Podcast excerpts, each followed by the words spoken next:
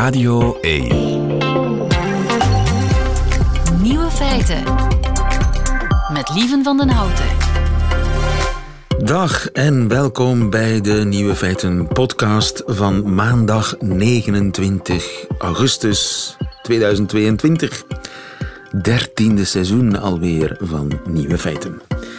In het nieuws vandaag de nieuwe kampioen liggen. Zarko Pejanic won dit weekend in Montenegro het kampioenschap liggen. En onderschat het niet, want lang blijven liggen geeft pijn in de spieren.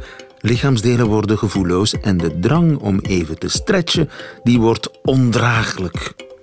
Winnaar Pejanovic won de wedstrijd nadat hij 60 uur aan één stuk is blijven liggen. Dat is volgens mij twee en een halve dag. Een makkie vond hij zelf. Hij had niet eens opgewarmd, zei hij na de wedstrijd, maar wel heel veel getraind. Ik heb geloof ik mijn sport gevonden. De andere nieuwe feiten vandaag. Meer en meer jongeren lezen boeken. Met dank aan TikTok. Koffie doet je kopen. Frankrijk verklaart de oorlog aan de privéjet.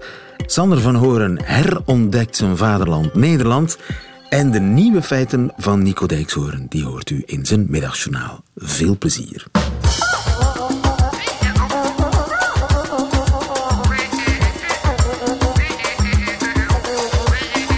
Nieuwe feiten. Radio 1. En eh, er is heugelijk nieuws inderdaad, want de jeugd die leest weer. Peter Schoenaerts, goedemiddag. Goedemiddag. Je bent uitbater van Standaard Boekhandel in Vilvoorde. Klopt. Me- meer en meer jongeren lezen boeken. Klopt dat? Ik lees dat in de Mhm. ja, krant. dat klopt. Dat klopt. Ehm, de voorbije maanden hebben we er steeds meer zien opdagen. En ik moet zeggen, ook heel vaak meisjes die, die gilletjes slaken als ze bepaalde boeken zien staan. Dat is heel grappig. Ja, absoluut. En welke boeken zijn dat? Ehm, ja, dat heet tegenwoordig Young Adults. Dat is een, een, een genre dat twintig jaar geleden eigenlijk niet bestond. Dat zijn boeken voor, voor mensen, laten we zeggen, vanaf 15 jaar. En vroeger had je ofwel kinderboeken ofwel volwassenenboeken. Maar nu heb je dus heel veel boeken voor ja, jongeren, adolescenten. Eh, geen kinderen meer, maar ook nog niet echt volwassenen. En die zijn heel populair. Young Adult, dat klinkt Engels. Zijn die boeken ook in het Engels? Dat zijn vaak boeken in het Engels, dus er zijn ook vaak vertalingen van. Maar ehm, ja, je weet misschien dat op TikTok eh, er eh, een boektok eh, is. Dat is zo'n soort hashtag waarmee jongeren elkaar boeken aanraden. En dat zorgt ongelooflijk, voor ongelooflijk veel reclame. Dus bepaalde boeken waar jongeren over beginnen filmpjes over te maken, die verkopen plotseling heel erg goed. Dus een boekenprogramma werkt. Eh, Dus ja, het- in dit geval is het een boekenprogramma op TikTok. ja, maar dus de- zij, zij bespreken echt boeken, zij geven elkaar tips, zij laten weten over welke thema's die boeken gaan. En eh, dat gaat als een lopend vuurtje rond. En dus heel vaak ook in het Engels, waardoor die boeken wereldwijd natuurlijk in de aandacht komen. En het zijn jongeren die tips geven aan jongeren. Dat, daar, Aan- dat is eigenlijk de succesformule. Dat is de succesformule. En ehm, ja, een aantal van die, van die boeken die, die, eh, worden bijvoorbeeld ook verfilmd op Netflix. Hè. Ik denk nu bijvoorbeeld aan eh Heartstopper. Ik weet niet of je daarvan gehoord Juist, hebt. ja, maar, Heartstopper, ehm, prachtig. Heartstopper, dat, dat is eigenlijk een graphic novel van, van twee jongens die verliefd worden. En daar komen dus vooral tienermeisjes eh, ja, voor naar de winkel. Die willen die boeken hebben. Die, En die slaken dan die gilletjes bij die Heartstopper. Zeker bij dat boek, die gilletjes. Want die, die, ehm, ja, die willen even, even weg uit het gewone leven, denk ik. Die willen eh, dingen lezen waar ze zelf mee bezig zijn. Want dat is wel typisch voor die young adults. Ehm, die behandelen thema's, die behandelen emoties waar jongeren zelf heel vaak mee bezig zijn. Ja. En de auteurs zijn vaak ook aan de jongere kant. Dat zijn vaak jonge beginnende schrijvers. Nu, er zijn ook wel wat oudere auteurs, maar ik heb ook wel de indruk, de, de, de hele populaire, je hebt bijvoorbeeld nu een, een boek dat, dat, dat echt al een, een, een wekenlang een bestseller is, is eh, They Both Die at the End van Adam Silvera. Dat is een eh, jonge Amerikaanse schrijver, Amerikaans-Vietnamese schrijver. En eh, die is denk ik nog geen dertig. En dat is ook een boek eh, dat, dat jongeren aanzet tot leven en genieten en, en eh, goede dingen doen. Weet je, het gaat over eh, twee jongens die toevallig op hetzelfde moment te horen krijgen dat ze die dag zullen sterven. Dat is ook iets dat heel vaak in die boeken zit, een soort magie. Hm? En dus uh, zij willen nog iets van hun leven maken op die laatste dag. En dus ze gaan voor vriendschap, ze gaan voor uh, thrills, voor excitement. En dat is typisch voor dat soort boeken. Ja, Normal People, die bekende tv-serie, dat is eigenlijk ook een, een, young adult boek ooit. Hè? Ja, en als ik me niet vergis, is dat van, van Sally Rooney. Sally uh, Rooney, inderdaad. Ja, absoluut. Ja, die dat is ook heel populair. verkoopt vlotjes in veel woorden. Dat verkoopt vlotjes, ja. Zij, en staan die allemaal in een aparte kast? En lopen ja, die jongeren dan de kast met Christophe Fekeman en Louis Paul Boon en Hugo Claus en Gerard Reven, die, die lopen die kast voorbij? Ik moet uh, met pijn in het hart zeggen dat het wel zo is. Ja. Dus, um, en stop je niet stiekem zeggen... een Christophe Fake-mannetje tussen Sally Rooney en, en, ik probeer en de ze altijd te vragen. Ik probeer ze te vragen waar ze naar op zoek zijn en dan probeer ik ze de juiste richting uit, uh, uit te sturen. Maar nee, kijk, uh, een half jaar geleden hadden we denk ik een half kastje met young adults en ondertussen zijn dat twee volle kasten. Dus dat is echt ontploft. En niet alleen uh, bij ons in de winkel, maar echt, uh, ja, laten we zeggen, wereldwijd. Hè? Dat heel veel jongeren plots aan het lezen zijn.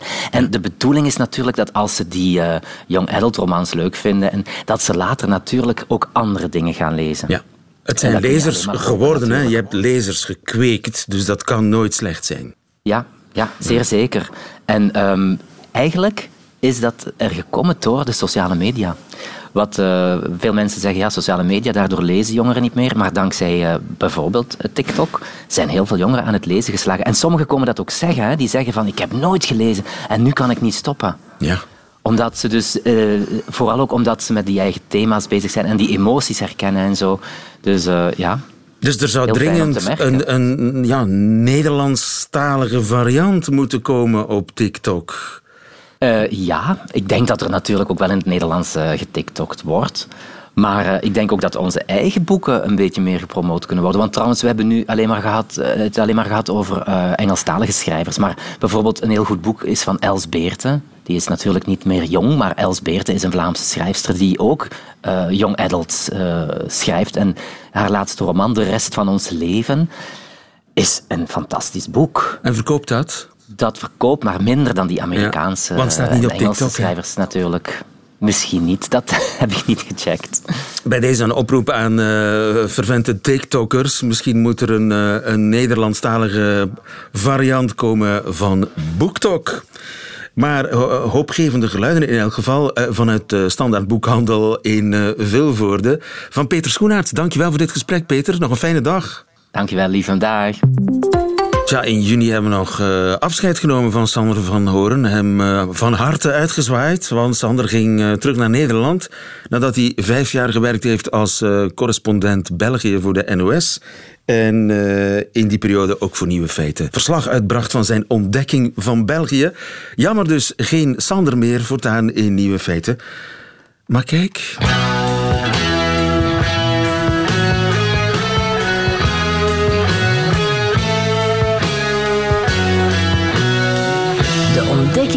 Nederland met Sander van Hoorn. Goedemiddag, Sander. Ja, als een duveltje uit het doosje was hij er weer.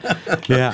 Voortaan maandelijks op maandag in Nieuwe Feiten over jouw nieuwe oude vaderland. Ik kan me niet herinneren dat ik jullie toestemming heb gekregen om mijn volkslied te verkrachten trouwens. Maar goed, ik uh, kijk okay, er even bij weg.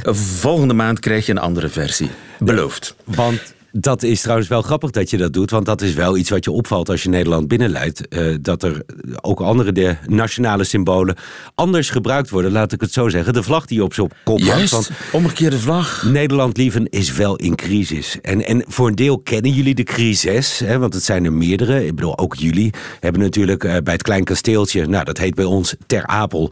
En, en daar uh, vinden toestanden plaats die gewoon echt niet kunnen. En dat leidt tot, tot crisisoverleg. jullie hebben natuurlijk ook de energiecrisis en de koopkrachtcrisis. Hè, dat uh, uh, dingen steeds duurder worden. Maar ja, eentje die jullie in wat mindere mate hebben. En daar komen die omgekeerde vlaggen langs de snelwegen ook vandaan. Dat is de, de stikstofcrisis. Ja, want stikstof, dat is het grote struikelblok in Nederland. En al heel erg lang. En vergelijkbaar ook heel erg met Vlaanderen. Hè, waar jullie ook een hele hoge concentratie hebben van industrie, van mensen, van uh, bedrijven, van landbouw en van natuurgebieden. En daar zit hem de crux. Die mogen niet te veel aangetast worden. En daarvoor moet de stikstofuitstoot beperkt worden. Nou, tot zover loopt het in Vlaanderen en Nederland heel erg gelijk op. Maar wat hebben ze in Nederland gedaan? Hebben ze in het regeerakkoord vastgelegd dat in 2030 die stikstofuitstoot met de helft moet zijn teruggedrongen.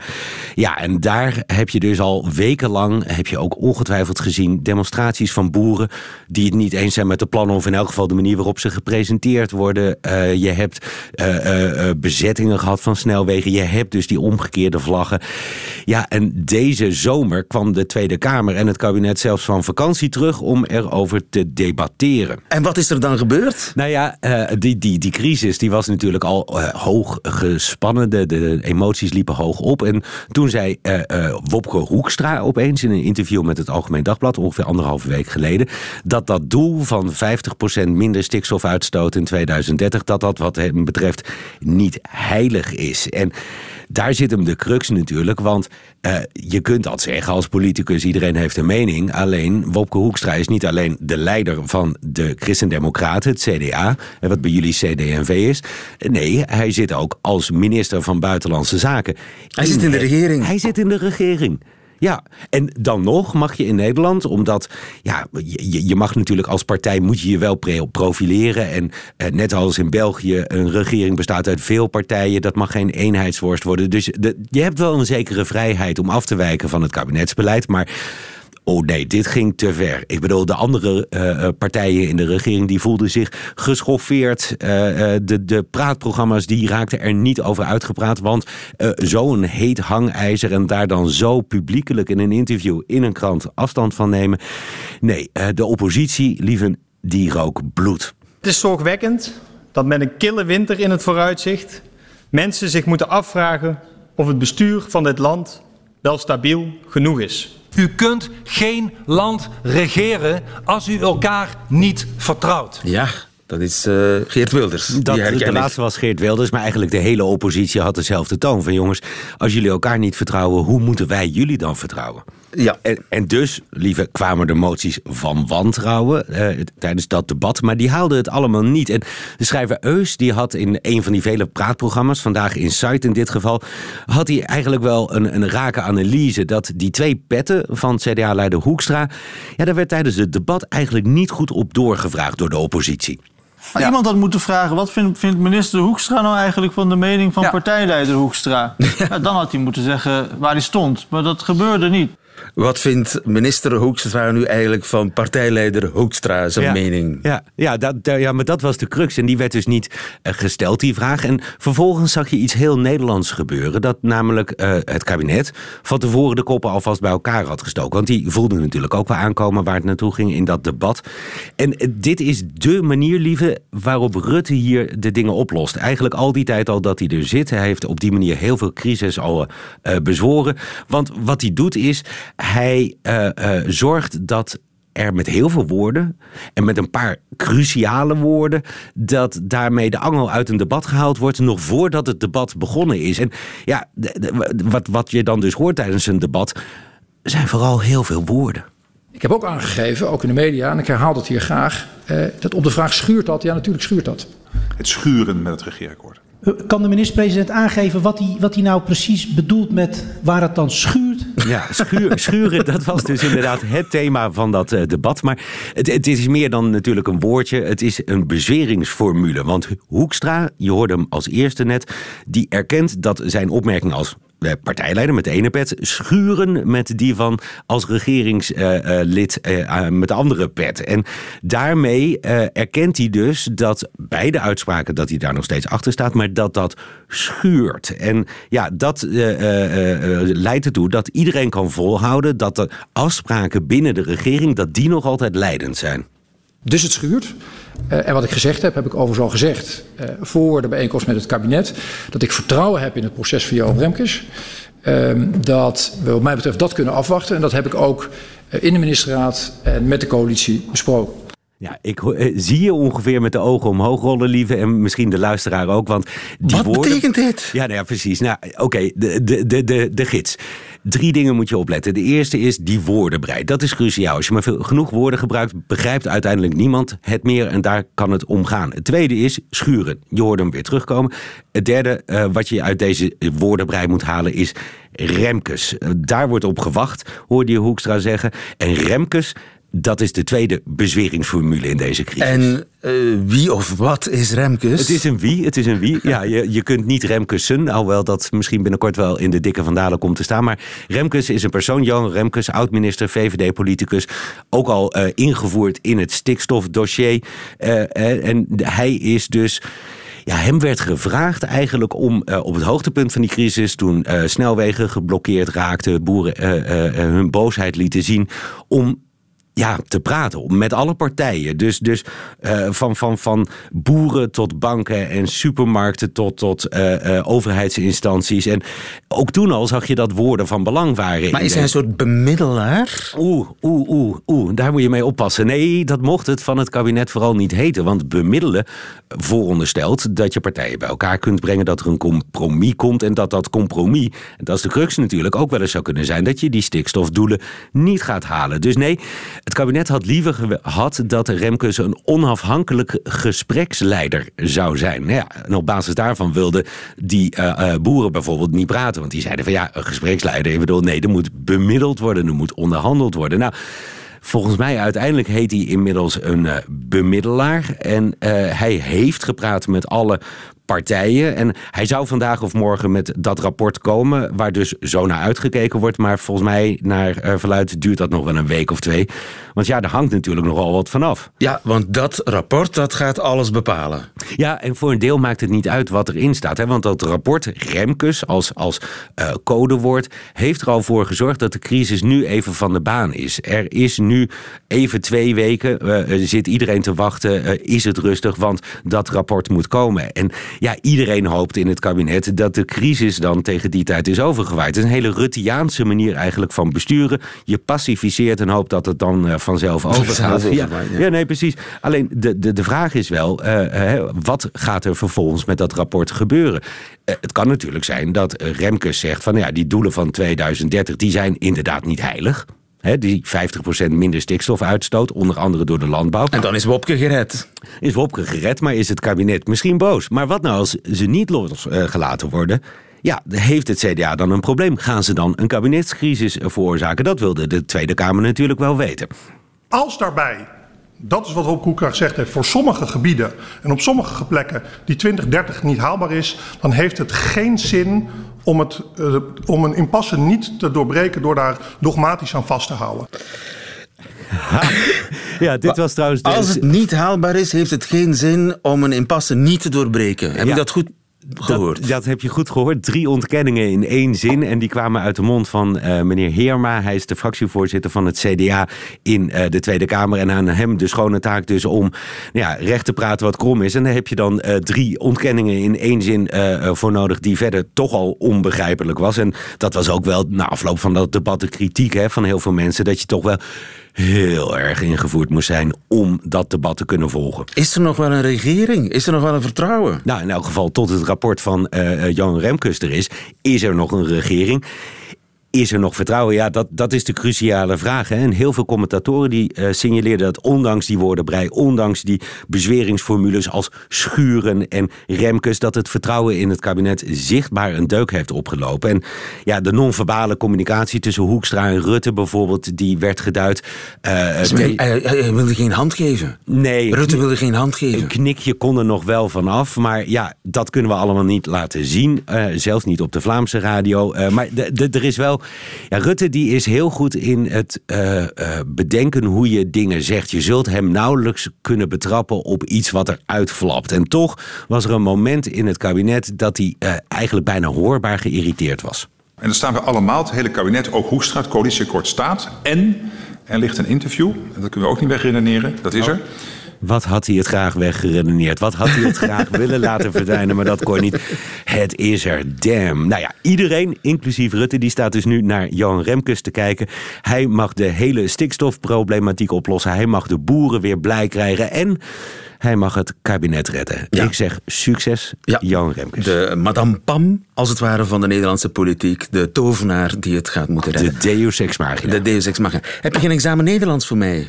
Nee, het woord Remkes heb je geleerd deze keer. En je hebt geleerd hoe codewoorden in de Nederlandse politiek uh, uh, magie kunnen bedrijven. Oké, tot volgende maand. Nieuwe feiten. Radio 1. Frankrijk verklaart de oorlog aan de privéjet Steven de Kranen. Goedemiddag. Goedemiddag, lieve. Journalist bij VRT Nieuws, uh, Frankrijk-kenner ook. Minister van Transport Bonen in Frankrijk die werkt naar verluid aan een plan om het gebruik van de privéjets strenger te reguleren en te belasten. Waarom is dat? Wel ja, eigenlijk is uh, het initiatief kwam eigenlijk van een groene politicus in, uh, in Frankrijk. Die zei van het kan toch niet zijn dat wij uh, privéjets zomaar laten rondvliegen in een tijd waar klimaat toch centraal moet staan en waar inflatie en iedereen de moet aanhalen dat de superrijken ontsnappen zowel aan een klimaatbelasting als aan gewone belastingen. Dus extreme temperaturen in Frankrijk zijn er geweest. Die hittegolven, bosbranden, stijgende energieprijzen en dan blijkt dat een uh, elite zou rondvliegen met privéjets gewoon om zich te vermaken en dat ze dan nog weinig belastingen op betalen. Kerosine is vrijgesteld van taksen, maar meer nog, privéjets zijn ook vrijgesteld van het Europese emissiehandelssysteem, waardoor ze dus ook geen emissierechten moeten kopen. En uh, groene politicus vond dat zo oneerlijk dat hij daarmee op Twitter gestart is. En dat heeft natuurlijk weerklank gevonden bij heel veel mensen. En natuurlijk, ja, politiek kon niet achterblijven, zeker in deze tijden van polarisatie rond alles wat met klimaat en ook met uh, stijgende energieprijzen te maken heeft. Dus heeft de minister van Transport beslist om daar iets aan te doen. Ja, verbieden de, vindt hij een stap te ver. Verbieden vindt hij een stap te ver. Net, net niet verbieden, maar zwaar belasten. Er is veel boosheid in Frankrijk. Uh, via Twitter wordt dat geventileerd. Er zijn zelfs uh, Twitter-accounts, zoals er eentje I Fly Bernard of I Fly Bernard, vernoemd naar uh, Bernard Arnault, die, de, die dat allemaal keurig bijhoudt. Je kunt dus die vliegbewegingen van die elite volgen via Twitter. Ja, en dat is gebeurd. En wat er eigenlijk gebeurd is, en ook een Franse linkse krant heeft opgeroepen tot naming en shaming. Volg die vluchten, publiceer dat op Twitter. Geef daar rugbaarheid aan. En wat dan gebeurt, is dat ze bijvoorbeeld van een andere Franse miljardair gezien hebben dat hij op één dag ja, drie keer gevlogen heeft over een heel korte afstand. Is van uh, Parijs naar Toulon, van Toulon naar Corfu en dan van Corfu terug naar uh, Frankrijk. En ze hebben dan berekend via een NGO dat stond ja, gelijk aan 22 ton CO2-uitstoot. En dat zou neerkomen volgens die berekeningen op ongeveer wat één auto over tien jaar tijd zou uitstoten in Frankrijk. Dus ze zegt, dit is onaanvaardbaar. We moeten daar iets aan doen. En door rugbaarheid aan te geven, ook al is het maar een kleine elite, die voor hun plezier soms die privéjet gebruiken, moeten we toch tot een, een soort uh, verstandhouding komen dat zoiets niet meer kan. Het is ja. vooral een gedrag dat onaanvaardbaar geworden is. Ja, want ook in Amerika wordt die rugbaarheid eraan gegeven, want daar zijn ook vergelijkbare Twitter-accounts die de, ja, de handel en de wandel en vooral het, het vlieggedrag van bijvoorbeeld Taylor Swift en ja. uh, Drake volgen. En uh, Elon Musk bijvoorbeeld, die bleek een vlucht van negen minuten te hebben genomen. Ja, en Taylor Swift zou, zou bijvoorbeeld op een half jaar tijd 170 keer gebruik gemaakt hebben van de privéjet. Natuurlijk, haar entourage zegt dat was zij niet alleen, niet de superster alleen. Ze, gebruik, ze ja, deelt het ook uit aan vrienden en zo verder. Maar toch, als er een alternatief zou zijn in de Verenigde Staten, is dat soms moeilijker dan in Europa, bijvoorbeeld om met de trein te reizen. Waarom dan die privéjet nemen? Is dat nu echt nog een statussymbool? Heeft het te maken met gemak? Of is het gewoon ja, een, een puur luxe artikel? Ja, tonnen uh, CO2 stoot Taylor Swift uit. Hoe zit dat eigenlijk bij ons? In Zaventem bijvoorbeeld. Neemt het gebruik van privéjets toe? Laten we zeggen dat het wel opvallend is dat het uh, gebruik van privéjets toegenomen is de laatste jaren. dit heeft veel te maken ook met wat er met corona gebeurd is. Er, er, is een periode geweest dat er natuurlijk veel minder vluchten waren. Luchtvaartmaatschappijen hebben hun vluchten teruggeschroefd, omdat er heel veel reisbeperkingen waren. En die privéjets, die sector, heeft als eerste op zich opnieuw de opgang meegemaakt van de luchtvaart. En heel veel uh, ondernemers, ook, ook rijkere ondernemers, die dachten van in plaats van een vlucht te nemen en business te boeken, bijvoorbeeld, ik zeg maar iets naar het zuiden van Frankrijk, kunnen we misschien uh, ja, een privéjet huren, charteren, om zo op onze bestemming te raken. Dan zijn we zeker dat we er raken. En dat is eigenlijk populair gebleven, want ja, nu met al die files die er zijn bij de security, bij de veiligheid, uh, toestanden in Zaventem, soms afgelaste vluchten, dan zijn ze zeker dat ze die vlucht kunnen nemen. En er is een systeem dat je bijvoorbeeld een vliegtuig kan charteren, maar je kan bijvoorbeeld ook vlieguren opnemen. Of ja, in een heel extreem geval kan je natuurlijk zeggen met een paar rijke mensen samen, we gaan met vier, vijf een privéjet kopen en we zullen dat dan beheren of die, ja, dat management van de vliegtuig uitbesteden aan een soort broker, maar het dan gebruiken wanneer het ons uitkomt. Ja. Enig idee hoeveel privéjets er zijn? In België? Wel, in Europa weten we dat er ongeveer 2400 privéjets zijn. In België is dat een beetje soms moeilijk in te schatten, omdat verschillende personen natuurlijk ook zo'n jet kunnen delen. Het zou gaan om 53 ingeschreven privéjets in België volgens de laatste cijfers, maar ik denk dat het er meer zijn, want er zijn ook bedrijven die natuurlijk ook privéjets hebben. Aan de andere kant, ja, een privéjet inschrijven, natuurlijk wordt ook gekeken naar welk land het... Financieel het voordeligst is om bijvoorbeeld die jet in te schrijven. Dat is natuurlijk deel uit van het grote financiële boekhoudkundige dat systeem dat soms daar ronddraait. Ja, maar wat, uh, wat kost dat eigenlijk, zo'n privéjet? Goh, ja, het hangt er natuurlijk vanaf van de grote lieven. Dus laten we zeggen, in alle maten en gewichten. Het is zoals met auto's. Maar laten we zeggen, je kan al een kleintje voor 1,25 miljoen uh, dollar aanschaffen. Maar natuurlijk, er zijn ook uh, hele grote, de, de Gulfstreams, en dan spreken we wel over tientallen miljoenen uh, dollars. laten we zeggen, dan, dan ga je toch tussen ja, 70, 75 miljoen dollar voor het meest exclusieve type. En natuurlijk, de sheiks... Zal nog een beetje moeten sparen. Maar, ja, die, die, die gaan grote Boeing zelfs ombouwen tot een soort privéjet. Ja, maar je kunt het ook huren hè, eh, om eh, met vrienden te gaan shoppen in Milaan bijvoorbeeld. En, en dat kost dan een paar duizend euro per, per uur, neem ik aan, zoiets. Ja, dat hangt natuurlijk ook weer af hoe groot het vliegtuig is, de privéjet, en met hoeveel je bent. Maar er is berekend dat, dat voor een midsize, laten we zeggen als je met 6 tot 8 personen in een uh, privéjet wil stappen, dat het ongeveer tussen ja, de 3000 en 5000 euro per vlieguur kost. En men heeft eens berekend dat bijvoorbeeld als je naar Ibiza wil met, met zo'n zes personen, dan kan dat van de 13.000 tot 15.000 euro enkel gaan. Ja. Natuurlijk, dan deel je dat. En dan, heb je nog geen cocktails gedronken in, in, Dan heb je nog geen cocktails gedronken. Dat maar goed, er zijn... aan de andere kant, je bent wel snel in Ibiza en uh, wanneer jij wilt, stap je op en stap je meestal ook uit. Ja, ja uh, in dit geval is dus uh, het goed om te weten dat er mensen zijn die dat kunnen betalen. We vergeten dat soms. Hè. We denken mm -hmm. dat die niet bestaan, maar die bestaan. Er zijn hele, hele, hele rijke mensen, ook in ons land. Ja.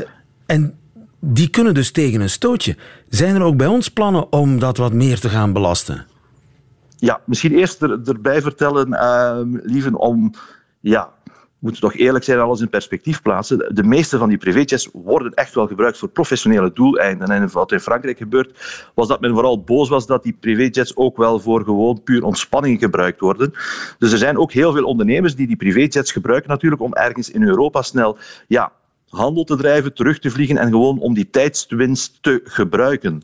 Maar er komt natuurlijk ja, tegenkanting in Frankrijk, maar ook in ons land. Ik denk aan het begin van de zomer heeft eh, de nieuwe voorzitter van Groen, Nadia Nagy, toch gezegd dat er zo een soort tax zou moeten komen van, van 3000 euro voor het gebruik van een privéjet, omdat ja, er te weinig taxen gegeven worden op die privéjets. Aan de andere kant, de sector van de zakenvluchten zeggen dan weer, wij zijn maar een heel klein percentage van de CO2-uitstoot binnen Europa. Dus het is ook een symbolisch dossier. En dat heeft ook in Frankrijk aanleiding gegeven tot discussie. Want president Macron heeft eigenlijk tegen zijn jonge minister van Transport Bonen gezegd van dat is goed dat je dat aanpakt, maar kom met concrete maatregelen. Want het mag niet zoiets zijn dat gewoon ja, populistisch goed klinkt, maar eigenlijk weinig zoden aan de dijk brengt, omdat het om een kleine minderheid gaat. We moeten allemaal inspanningen leveren en die rijken ook. Vandaar dat het uitgegroeid is tot een symbooldossier. Ja, en we zullen zien wat daaruit komt. Dankjewel, Steven de Kranen. Goedemiddag. Nieuwe feiten.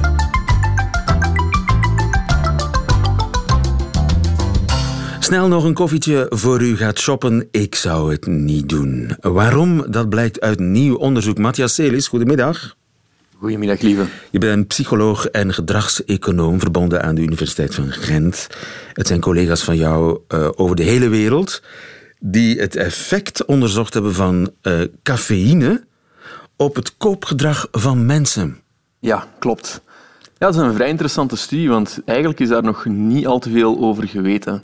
Als je ook nadenkt, meer dan 80% van de Belgen drinkt meer dan twee tassen koffie per dag. En dat maakt van cafeïne ook een van de meest gebruikte stimulerende middelen in ons land en internationaal ook. En ja, die cafeïne die doet wel heel veel met onze hersenen. Daar is heel veel onderzoek naar. We weten dat ook vrij goed in labo-settings. Maar tot vandaag is er eigenlijk ja, vrij beperkt veldonderzoek rond die gedragsmatige uitlopers. Het gaat om veldonderzoek. Ze hebben experimenten gedaan in supermarkten. Klopt, ja. En hoe gingen die experimenten? Yes, dus ze hebben internationaal in, in een aantal uh, ja, grootwarenhuizen, luxezaken, aan het begin, uh, voordat je de winkel binnenstapt, um, geven, ze, geven de onderzoekers jou een, ofwel een cafeïnehoudende koffie ofwel een niet-cafeïnehoudende koffie. Ze hebben dat dan nadien ook met andere uh, dranken, zoals thee en water en, en, een aantal andere zaken gedaan. En dan hebben ze gekeken van oké, die mensen die cafeïnehoudende koffie hebben gekregen alvorens de winkel binnen te stappen, gaan die anders kopen. En? Ja, eigenlijk echt wel vrij spectaculaire resultaten. Zowel in, in eigenlijk alle landen, in Frankrijk, Spanje, Duitsland, Amerika. Vrij, um, vrij gelijkaardige resultaten. Blijkt dat, dat je ongeveer 50% meer geld uitgeeft na één tasje koffie. En dat je 30% meer artikelen in je winkelmandje legt. Nou, 50% meer uitgeven, 30% meer kopen. Ja. En, en wat kopen we dan? Dus het gaat eigenlijk ook... Vooral eigenlijk uh, hedonische artikelen, zoals dat dus Hedonische, dus hedonistische, zou ik zeggen. Hedonische, ja, hedonistische artikelen. Wat zijn yes. hedonistische producten?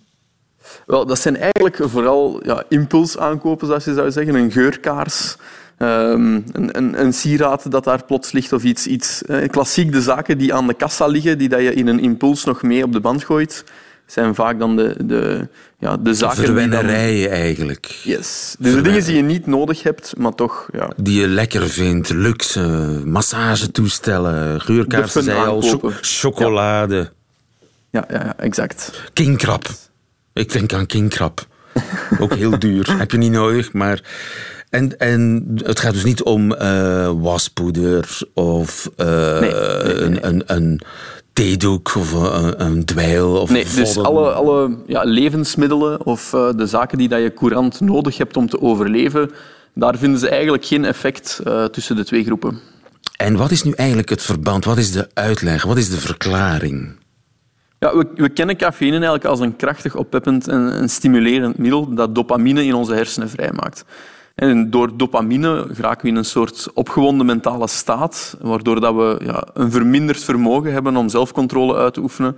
En ons monkey brain, om het zo te zeggen, gaat dan eh, eerder de bovenhand nemen en zijn we sneller geneigd om dan ja, iets, ons iets irrationeler te gedragen en suboptimale keuzes te maken. Aha, de rem gaat er een beetje af.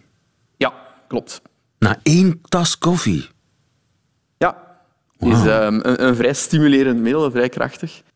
Het is uh, vooral eigenlijk bij de mensen die enkel die, die, die beperkt aantal, uh, aantallen hoeveelheden koffie drinken per dag, dus de stevige koffiedrinkers die, die tientallen tassen per dag drinken. Ja, die kunnen daar tegen. Daar is voilà, het die hebben een, minder. die hebben een tolerantie opgebouwd en die, die kunnen er tegen. Vandaar dat je in sommige supermarkten al gratis koffie kunt krijgen. Natuurlijk. Ja, klopt. Denk maar aan, aan de... Ja, zeker in de Belgische supermarkten tegenwoordig ook. Dat is een, eh, een investering voor een supermarkt die zich uh, dubbel en dik terugverdient. Dus uh, goede tip, laat je daar niet aan vangen. Uh, ja, dus ja, een gematigde consumptie aan cafeïne is natuurlijk wel, uh, dat is ook gedocumenteerd. Daar is onderzoek naar. Dat, dat, heeft positieve effecten op onze mentale en fysieke gezondheid. Ik denk als je nu plots cafeïne gaat bannen uit je leven, ja, dat je ook uh, niet de gewenste effecten gaat bereiken. Maar het is wel iets dat je, ja, dat je bewust voor moet zijn um, ja, als je bewust wil, wil winkelen. Ja, en als je niet met een geurkaars wilt thuiskomen, blijf van de koffie af. Dankjewel, Matthias Celis. Goedemiddag. En dat waren ze meteen de nieuwe feiten van vandaag, 29 augustus 2022. Alleen nog die van good old Nico Dijkzoren heeft u te goed in zijn middagjournaal. Nieuwe feiten. Middagjournaal. Beste luisteraars, ik wil graag iets persoonlijks met u delen. Iets waar ik nogal opgewonden over ben. Zaterdagavond las ik voor tijdens een poëziefestival in Oosterbeek. Ik had een gelegenheidsbandje meegenomen en de bassist daarvan was Rinus Gerritsen van de Golden Earring. Ik was nog geen kwartier op het festivalterrein en mijn dag was al geslaagd. Bij een boekenkraampje vond ik naast elkaar op een tafeltje dichtbundels van Johnny van Doren, Herman Brood en P.H. Winkels. Een goudmijn. Allemaal dichters die mijn leven een beslissend zetje hebben gegeven. Hun werk ligt nu, terwijl ik dit lees, voor mij op tafel. Een mooie herinnering aan een mooie avond. Samen met Rinus liep ik over het festivalterrein. We luisterden naar een plaatselijke dichter en Rinus vroeg aan mij waarom de man zo vreemd sprak. En ik snapte meteen wat Rinus bedoelde. Dichters slaan graag een vreemd toontje aan. Iedere zin is een zachte hamer waarmee ze op je zintuigen slaan.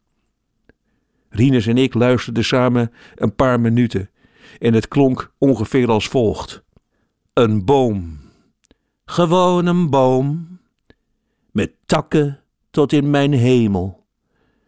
Willen groeien en geen kant op kunnen, en alleen maar omhoog. Kom maar, boom, kom maar, boom, huil maar uit je blaadjes et cetera, et cetera. Daarna liepen wij samen naar ons podium. We speelden een liedje. Ik deed een verhaaltje. We speelden nog een liedje. En daarna las ik een gedicht over de Golden Earring. Ik las onder andere het volgende stukje voor. Mijn favoriete Raider Love moment, dat is het invallen van de basgitaar. Het moment waarop honderdduizenden jongens en meisjes in welke kroeg dan ook een denkbeeldige basgitaar in hun handen hebben genomen en met de rug tegen de muur mee hebben gebast. Maar Rinus, Rinus geloofde ik meteen, je ziet het aan zijn mond als Rinus speelt en een hoger nootje pakt, dan glijdt zijn mond automatisch mee. Luisteraars, dit las ik voor en precies op dat moment begon Rinus Gerritsen, zonder dat wij dat hadden afgesproken, de legendarische baspartij uit Raider Love te spelen. Boom, boom, boom, boom, boom, boom, boom, boom, boom, boom, boom, boom, boom, boom, boom, boom, boom. Hij sprak geen woord. Hij bewoog zijn vingers over het hout. Luisteraars, het was zonder meer het mooiste gedicht van de dag.